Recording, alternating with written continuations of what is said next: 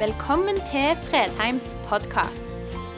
For mer informasjon og ressurser, besøk oss på fredheimarena.no, eller finn oss på Facebook.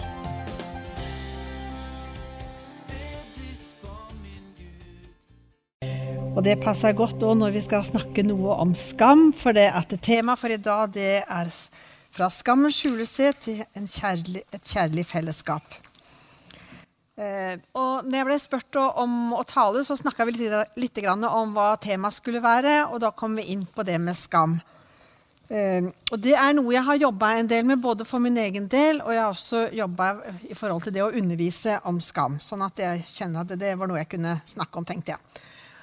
Men så er det sånn da, når en har bestemt seg for noe, så, så det, ligger det ned i oss og jobber. Og så kjenner jeg at nå har jeg jobba på nytt igjen med meg. sånn at nå har jeg fått gått enda noen flere runder. For sånn, sånn er jo livet. Vi går runder på runder. Og dypere og dypere. Og det er veldig flott. Men så skal vi ikke snakke bare om skam, men vi skal også snakke om det med å være elska og kjenne seg elska og akseptert. For ellers blir det jo bare trasig. Men skammen den har veldig mange rom, og vi kan ikke gå inn i alle. Og jeg har bare lyst til å si at Hvis du har lyst til å eh, lære mer og lese mer, så har Berit Okkenhaug skrevet ei veldig flott bok 'Når jeg skjuler mitt ansikt'. Perspektiver på skam. Og Magnus Malm har også skrevet noe i eh, boka 'Kjennetegn'. Eh, å søke Gud i en kaotisk tid. Han har skrevet veldig mye flott der om skam og, og for å komme til rette med det. Og så er, For de fleste av oss er jo ikke ordet skam et fremmed ord, for det har vært brukt mye i det siste, de siste åra. Det har vært navn på en populær serie, annet, og på torsdag så hørte jeg på andakten om morgenen, og da var skam tema der. Og så jeg tenker vi er i det, det er noe som vi er opptatt av, og jeg tenker det er viktig at vi kanskje går litt i dybden på av og til også. Og så er det jo ikke et nytt ord, da. Det har jo vært med oss hele nesten så lenge det har vært mennesker på jorda. I alle fall fra syndefallet og ut. Og Vi skal lese fra første Mosebok hvordan Gud skapte mennesker for å ha fellesskap med dem, og åssen ulydighet kom inn i verden pga. synd. Men før jeg leser det, så har jeg lyst til å fortelle en, eh, en liten historie. For det at uh, når jeg studerte teologi som ung, det er ganske mange tiår siden, da hadde vi taleøvelse, og da fikk vi utdelt uh, søndagens tekst. Og Den første taleøvelsen jeg skulle ha, jeg var sikkert bare 20 år, det var syndefallet. Og jeg husker det at Den gangen var det ingenting som var riktig med den talen. Alt var bare helt feil. Det eneste som var bra, det var at jeg brukte dialekt. Og Dette var på 70-tallet, og da skulle vi egentlig snakke ganske fint. Så, og så tenkte jeg at når jeg forteller den nå, så forteller jeg ikke den med skam. For dette er noe jeg kan vedstå meg, for sånn var det den gangen. Og så tenker jeg litt at når jeg har valgt den frivillig, nå da denne, disse tekstene fra skapelsen og syndefallet, så, så har det gått mange tiår. Jeg har levd mye liv. Jeg har uh, lest og grunna og tenkt og snakket. Og fått satt ord på både skam og mye annet. Så jeg tenker at det kanskje har jeg litt annet å komme med denne gangen. Kanskje ikke det er bare dialekten som er riktig denne gangen. Satsa på det. Men vi leser fra første Mosebok, kapittel 1 og vers 26 først. Der står det sånn. Lage og Gud sa, la oss lage mennesker i vårt bilde, så de ligner oss. De skal råde over fiskene i havet og fuglene under himmelen, og fe og alle ville dyr og alt krypet som det kryr av på jorden. Og Gud skapte mennesket sitt bilde. I Guds bilde skapte han det. Som mann og kvinne skapte han dem. Og Gud velsignet dem og sa, vær fruktbare og bli mange. Fyll jorden og legg den under dere. Gud så på alt han hadde gjort, og se, det var svært godt. Og det ble kveld, og det ble morgen sjette dag. Så leser vi fra kapittel 2, vers 24. Derfor skal mannen forlate sin far og sin mor og holde, øh, holde fast ved kvin sin kvinne, og de to skal være én kropp. Begge var nakne, både mannen og kvinnen, og de skammet seg ikke for hverandre. Og så leser vi fra, vers, fra kapittel 3, og da er dette er etter at eh, de har vært ulydige og spist av frukten. Da står det sånn Da ble øynene deres åpnet, og de skjønte at de var nakne. De flettet sammen fikenblader og bandt dem om livet. Da hørte de lyden av Herren Gud som vandret omkring i hagen i den svale kveldsbrisen. Og mannen og kvinnen gjemte seg for Herren blant trærne i hagen.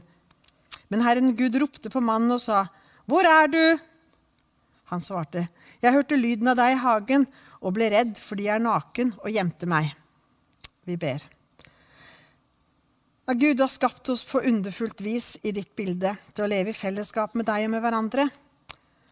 Hjelp oss så vi kan se tydelig og klart hvordan du har tatt skam og synd og skyld på deg, sånn at vi kan gå fri. Åpne våre øyne så vi kan se enda klarere hvordan skam har ødelagt livet, og hvordan du kan gjenopprette, helbrede og sette fri. Jeg syns det er flott å tenke på skapelsen, og jeg har masse bilder inni huet på den. Åssen eh, Gud skapte mennesket, åssen var en relasjon mellom Gud og menneskene. Og han, Gud skapte jo fordi han ville ha noen å elske, og noen som kunne elske ham tilbake. Og Det er derfor vi er her òg. Vi er skapt for å leve i en relasjon med Gud, for å bli elska av Han og for å elske Han tilbake. Og for å ha fellesskap med hverandre. Og så tenker jeg litt at Det står, står at eh, den, eh, i den svale kveldsbrisen, når den strøyk gjennom hagen, så kom Gud. Så tenker jeg det hadde vært flott å ha vært i en nydelig hage hvor det var veldig fint. Og så når, når liksom, skumringen og kveldsbrisen kommer, så kommer Gud, Herren Gud vandrende. Og så vil han skulle snakke med menneskene. Jeg vet ikke om du klarer å lage bilder av det, men for meg er det så nydelig å tenke på at Gud kom vandrende. Menneskene hadde gjerne jobba, de hadde styra på og holdt på med sitt. Og så var det litt kveld, og de skulle hvile, og så kommer Gud for en samtale. Og De prata sammen, og det kunne vært artig å visst hva de snakka om. Men Jeg, det, det, jeg syns det er et sånn fantastisk bilde på åssen relasjon mellom menneske og Gud var. Men en dag tok det slutt. For når, når Gud kom en dag som vanlig Han kom som vanlig. Men da var ikke Adam og Eva der. De hadde gjemt seg, for de hadde oppdaga at de var nakne. De hadde vært ulydige, og de hadde fått kunnskap som de egentlig ikke var tenkt for å ha. Og de skamma seg, og de var redd for Gud. Og skam og frykt var det første som kom inn i verden ved syndefallet. Ved at de var ulydige. Og, og alt det har fått konsekvenser for oss helt til i dag. Og det prega oss. Både frykt er det mye av, det er mye skam. Og det er mye annet kluss i relasjoner òg. Og så må vi si litt mer om skam, da. Og det er klart Vi kan si veldig mye om skam, men, men siden dette er eh, en gudstjeneste, så har vi jo et teologisk og sjelesørgisk perspektiv på det.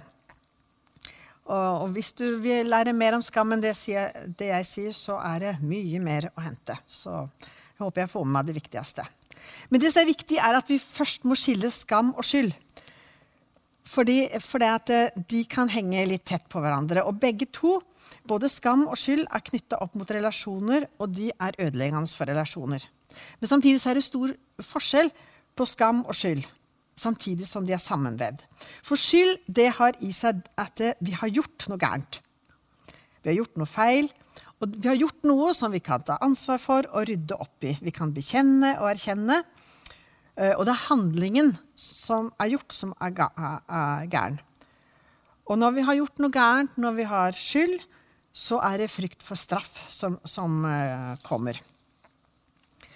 Uh, og samtidig, så når vi, når vi er skyldige og har, har, gjort noe gærent, så er det også naturlig å kjenne på en skamfølelse. Så Sånn sett så henger de sammen, men skammen den handler ikke om det vi har gjort. Det handler om den jeg er. Så hvis vi sier det veldig kort, da, så har skyld med handling å gjøre. Og skyld det kan gjøres opp og legges bak seg. Og da syns jeg det var veldig naturlig å finne Salme 32. Der David han har uh, vært ute på tur og gjort noe som han ikke skulle. Og jeg, uh, uh, kjenner på det. Og da skriver David i Salme 32. Salig er den som får sine lovbrudd tilgitt. Salig er det mennesket som Herren ikke tilregner skyld, som er uten svik i sin ånd. Så lenge jeg tidde, ble mine knokler tæret bort mens jeg stønnet hele dagen. For dag og natt lå din hånd tung på meg, min livskraft svant som sommerens sete. Da bekjente jeg min synd for deg og skjulte ikke min skyld. Jeg sa, jeg vil bekjenne mine lovbrudd for Herren. Du tok bort min, min syndeskyld. Dere rettferdige, gled dere og juble Herren, brut ut i fryderop, alle oppriktig av hjertet. Her ser vi at når han tidde, så var det akkurat som ei han lå tungt på han, og livskrafta svant som i sommerhete. Men med en gang han tok ansvar for det han hadde gjort, bekjente og erkjente, så fikk han tilgivelse for synd, og han kunne reise seg og han kunne få lov til å kjenne på glede igjen. Men så, så enkelt Eller enkelt og enkelt det er ikke alltid like enkelt å ta ansvar for det en har gjort. Men i alle fall, skammen er ikke sånn at vi bare kan bekjenne oss, så er vi ferdig. Men skammen handler om hvem jeg er. Å skamme seg, det betyr at vi dekker vårs eller skjuler vårs. Uh, og den som skammer seg, har behov for å forsvinne eller synke ned i jorda. Og det kan være flere av oss som har noen opplevelser hvor vi bare har lyst at det skulle vært et stort hull, så ding ned og lokk igjen, og så var vi borte. For ting har vært så flaut og så skamfullt. Uh, og skam det er en opplevelse av ikke være verdt noe, ikke bety noe, ikke være verdt å elske. For det handler om at jeg er feil. Jeg ikke bare gjør feil men jeg er feil. Og hvis jeg gjør noe feil, da blir jeg jo enda mer feil. Og da blir jeg jo helt håpløs. Og da er det ikke greit at jeg er meg, og jeg er ikke verdt å elske. Så det å, å kjenne på skam, eller være prega av skam, det har i seg en devaluering av hele vår person. Det er hele meg det er noe gærent med. Det er ikke bare det jeg gjør, men det er det jeg er, og absolutt alt. Og det går på identiteten vår løs også. Og når vi skammer oss, så er vi, er vi veldig redd for å bli oppdaga og bli sett og utlevert. Og Derfor så skjuler vi oss bak masker og fasader. Og vi har en veldig bra podkast som ligger ute på Fredheim Arenes sine nettsider om det med, med, masker og fasader. Så den må du gå inn, finne og så gå inn og høre på. Så kan du få litt eh, å tenke på. Og, så det, det, det er bra. For, så tilbake til skammen, så er den en brist på vår kjærlighet til oss sjøl. Og, og, det er ikke bare liksom en side, men det er liksom helhetsoppfatningen vi har av oss sjøl at det er en brist for det. Og den skamfulle opplever seg veldig ofte uønska. De andre er ikke glad i meg, liker, de liker ikke at jeg er her, og jeg passer ikke inn. Og så er det jo litt eh, interessant å se i Mose, den teksten i Moseboken hvordan relasjonene endra seg når frykt og skam kom inn i verden. Eh, med, til å begynne med så, så, var Adam og Eva nakne. Det var helt greit. Det var ingen som tenkte på at det var noe, at det var noe greier. Liksom. Men med en gang eh, frykt og skam kom inn, så hadde han behov for å skjule seg. Og når Gud kom, så ble de redde for Gud, for de hadde gjort noe gærent. Og så gjemte de seg, for de kunne jo ikke vedstå seg det de hadde gjort. Og så begynte de å skylde på hverandre. Og det, det er jo sånn som vi holder på med helt til i dag. Vi skjuler oss, vi er redde for hverandre, redde for å erkjenne det vi har gjort, og det vi er. Og så skylder vi på den andre. Det er ikke jeg som har gjort. Og skammen den hindrer oss også i å ta på oss den skylda vi har. For jeg er, jeg er, jo i utgangspunktet feil, og har jeg gjort en feil, da blir jeg jo en, en enda større feil. Og så er det jo interessant og det er trist å, å se åssen skammen får prege livet vårt og de konsekvensene for åssen jeg er både mot meg sjøl og åssen jeg er mot andre. I forhold til meg sjøl kan jeg trekke meg tilbake. Jeg kan ta på meg en maske, jeg gjemmer meg bak en fasade. Eh, jeg kan kjenne på det at å, ja, det er jo så mye gærent med meg, så jeg må jo bare prøve å være så, så, perfekt som mulig og så ufeilbarlig. Og i vår tid skal vi jo være veldig perfekte. Og så kan vi anklage oss sjøl, vi kan snakke nedsettende om oss sjøl. Både om oss sjøl og til oss sjøl. Jeg vet ikke hvor mange ganger du har sagt 'Å, du er jo helt håpløs, du får ikke til noen ting'. Og en tanke som jeg har hatt med meg mange, og jeg tenker ikke sånn 'Alltid gjør du noe gærent'. Det er sånne som jeg har hatt med meg, og jeg har nok hørt det, for jeg tror det er noen hjemme som har sagt det. Alltid gjør du noe gærent, Anne. Det, så, og det er jo en sånn Det er ikke greit med deg. Du får ikke til noen ting. Jo. Bare feil. Men i forhold til andre så, så, så får også konsekvenser. Vi holder distanse. Vi, for, vi ikke har folk tett innpå oss. Vi holder på hemmeligheter. Vi isolerer oss. Eller motsatt, vi kan gå til angrep og gå i forsvar. Eh, utøve vold, reagere med raseri og sinne, eller skape fiendebilder. Det er jo litt kjent for tida. Så Derfor så ser vi at skam får veldig konsekvenser både for åssen vi føler oss, åssen vi oppfører oss, reagerer og tenker om oss sjøl og andre. Så skammen skaper avstand og ensomhet. Og så har vi mer eller mindre, for livet har fart forskjellig med oss. Og noen de har sånn bitte litt og passe med skam, og noen har mye. Og så er det alle sånn midt imellom. Uh, du vet åssen du har det med deg. Og samtidig så tenker jeg det at uh, ingen av oss er helt håpløse. Vi får lov til å komme sånn de vi er. Så det er håp for alle, om det er mye eller lite. Og så En annen ting som, som jeg syns er ganske interessant uh, med det med skam, som, som, ble ny eh, når jeg begynte å lese og studere på dette, som, som ble litt nytt for meg, det er at eh, en ting som vi er veldig flinke til, uh, iallfall kan jeg være det av og til, og høre andre òg, det er vi er veldig flinke til å sammenligne oss. Og det ligger også i skammen, det at vi sammenligner oss med hverandre. Og så er det jo ofte sånn at når vi sammenligner oss med hverandre, så er det alltid de som er bedre, penere, rikere, slankere, har mer, bedre jobb, finere hus, har mye mer kapasitet enn det, har alltid liksom veldig mye bedre. Uh, og det er alltid på bekostning av meg.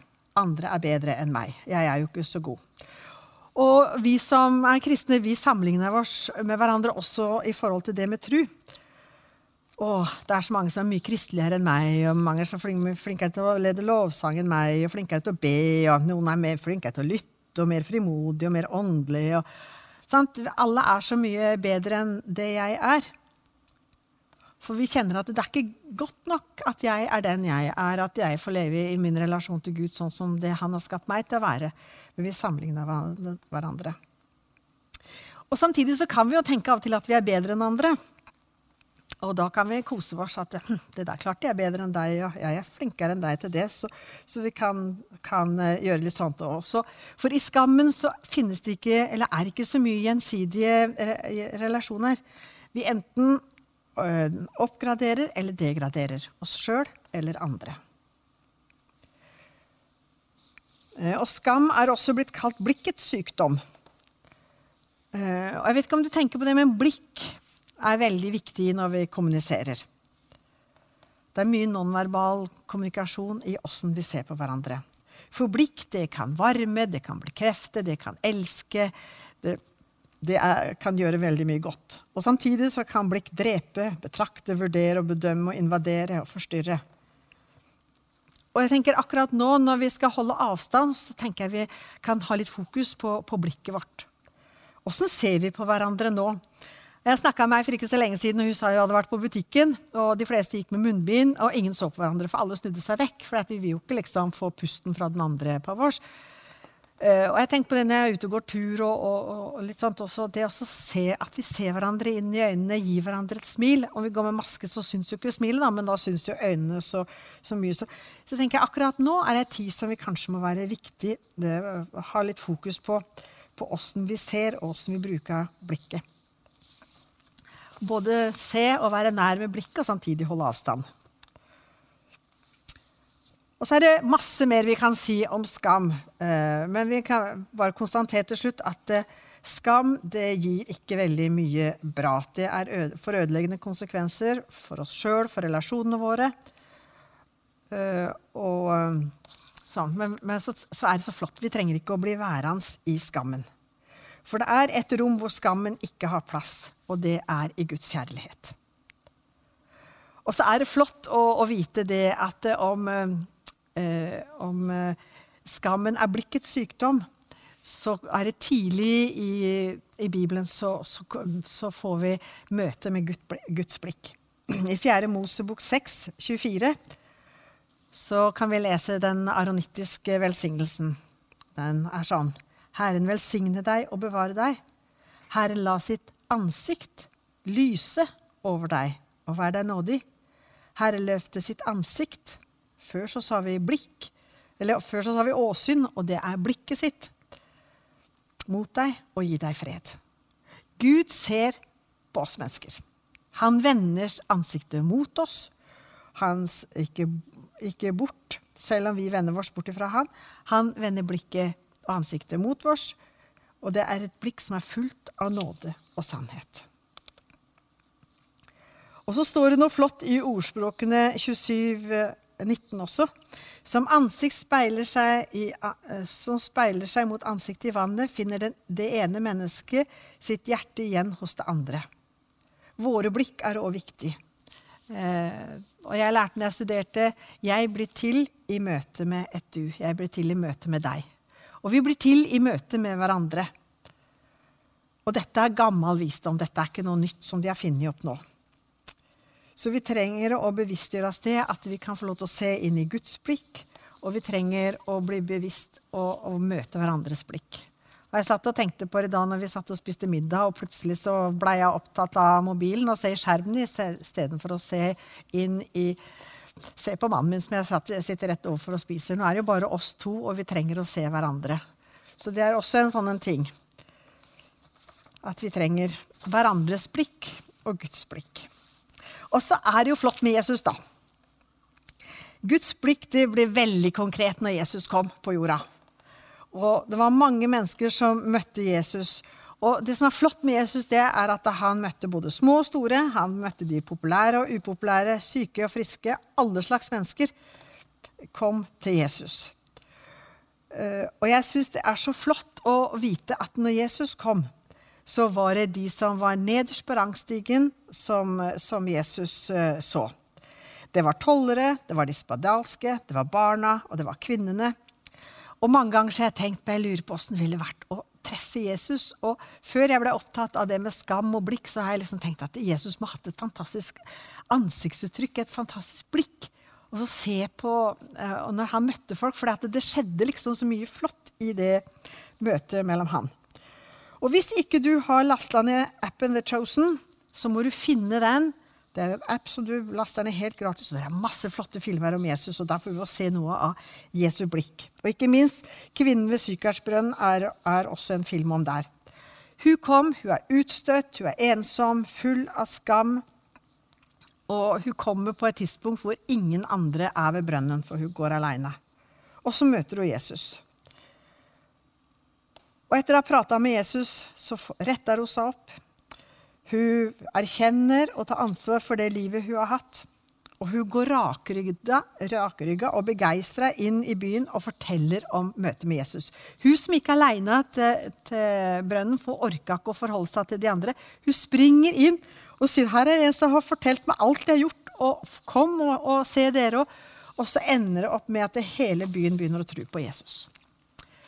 Og hvis du går, ser på tolleren Sakkeus han finner vi i Lukas kapittel 19. finner om han. Han opplevde at Jesus inviterte seg hjem til ham, og det skapte stor endring hos eh, Sakkeus. Og ved at han har hatt Jesus på besøk, så erkjente han og bekjente han at han hadde tatt for mye toll, og han ordna opp for seg. Så begge de to fikk livet snudd opp ned etter et møte med Jesus. Og så er det mange, mange flere, både vi får lese om i Bibelen, og som kan fortelle i dag også at et møte med Jesus, med et møte med et godt blikk, med respekt og kjærlighet, det har forandra de. Og mens jeg har holdt på å jobbe med, med skam, så, så, ber vi jo Fader vår med jevne mellomrom. Eh, vi gjør det i gudstjenesten, og vi gjør det andre steder. Og plutselig en gang så tenkte jeg men det er jo litt rart da, at eh, bønn om tilgivelse kommer så seint ut i Fader vår.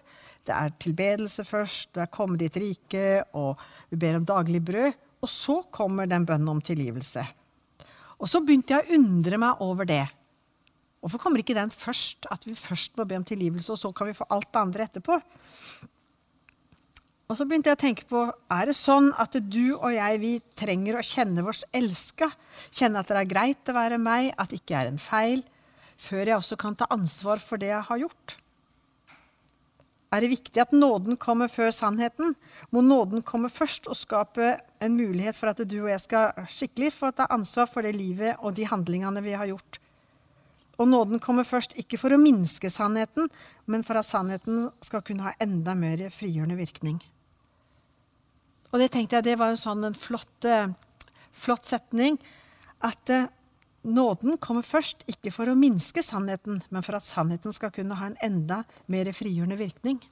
Jeg vet ikke det er med deg om du har prøvd å be om tilgivelse når, når du kjenner at ikke det er greit at uh, du er deg. Jeg har gjort det, og det var jo et enda større overgrep. Og, og, og det var jo enda mer feil med meg når jeg måtte be om tilgivelse òg. Men etter hvert som jeg har fått orden på det og kjenner at det er greit at jeg er meg og lev, kan leve i nåden, så er det mye lettere å stå opp og gjøre opp og kjenne på at, At jeg kan si det som er sant, og ta et oppgjør med det jeg har gjort.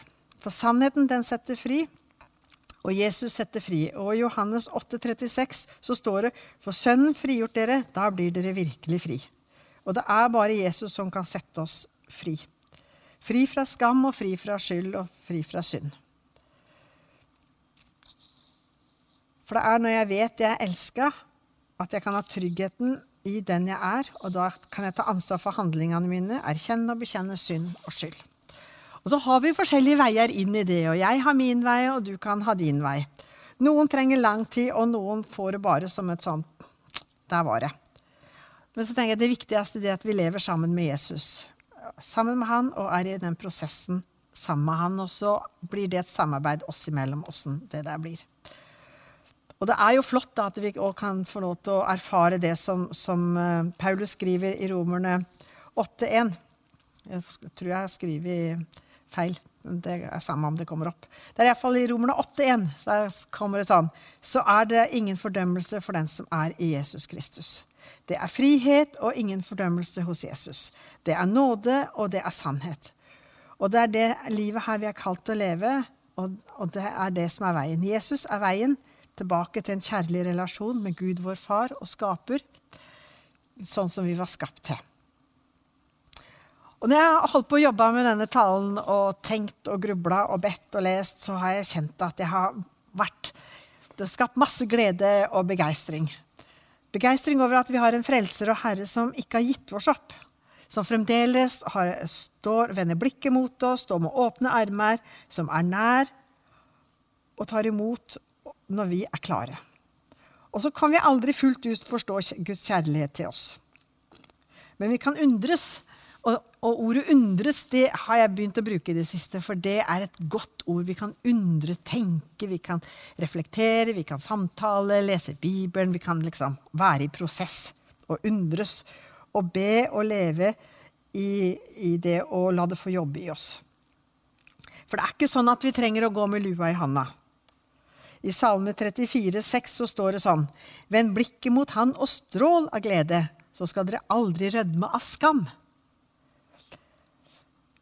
Sånn er nåden. Og sånn kan nåden først og fremst komme og skape muligheter for at du og jeg kan ta ansvar for livet våre og det vi gjør.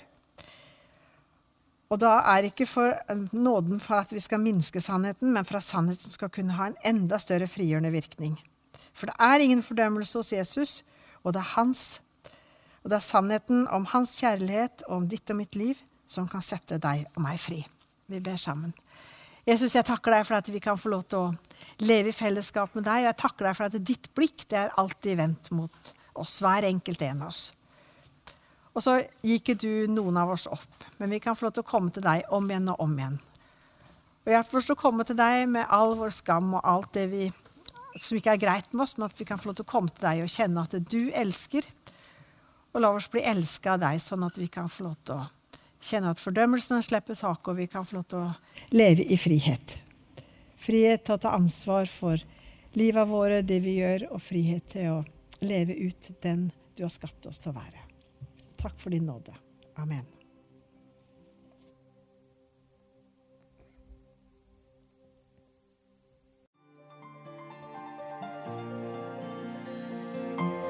Takk for at du valgte å høre på. Nye opptak legges ut hver uke. Vi har gudstjenester hver helg, og du er hjertelig velkommen.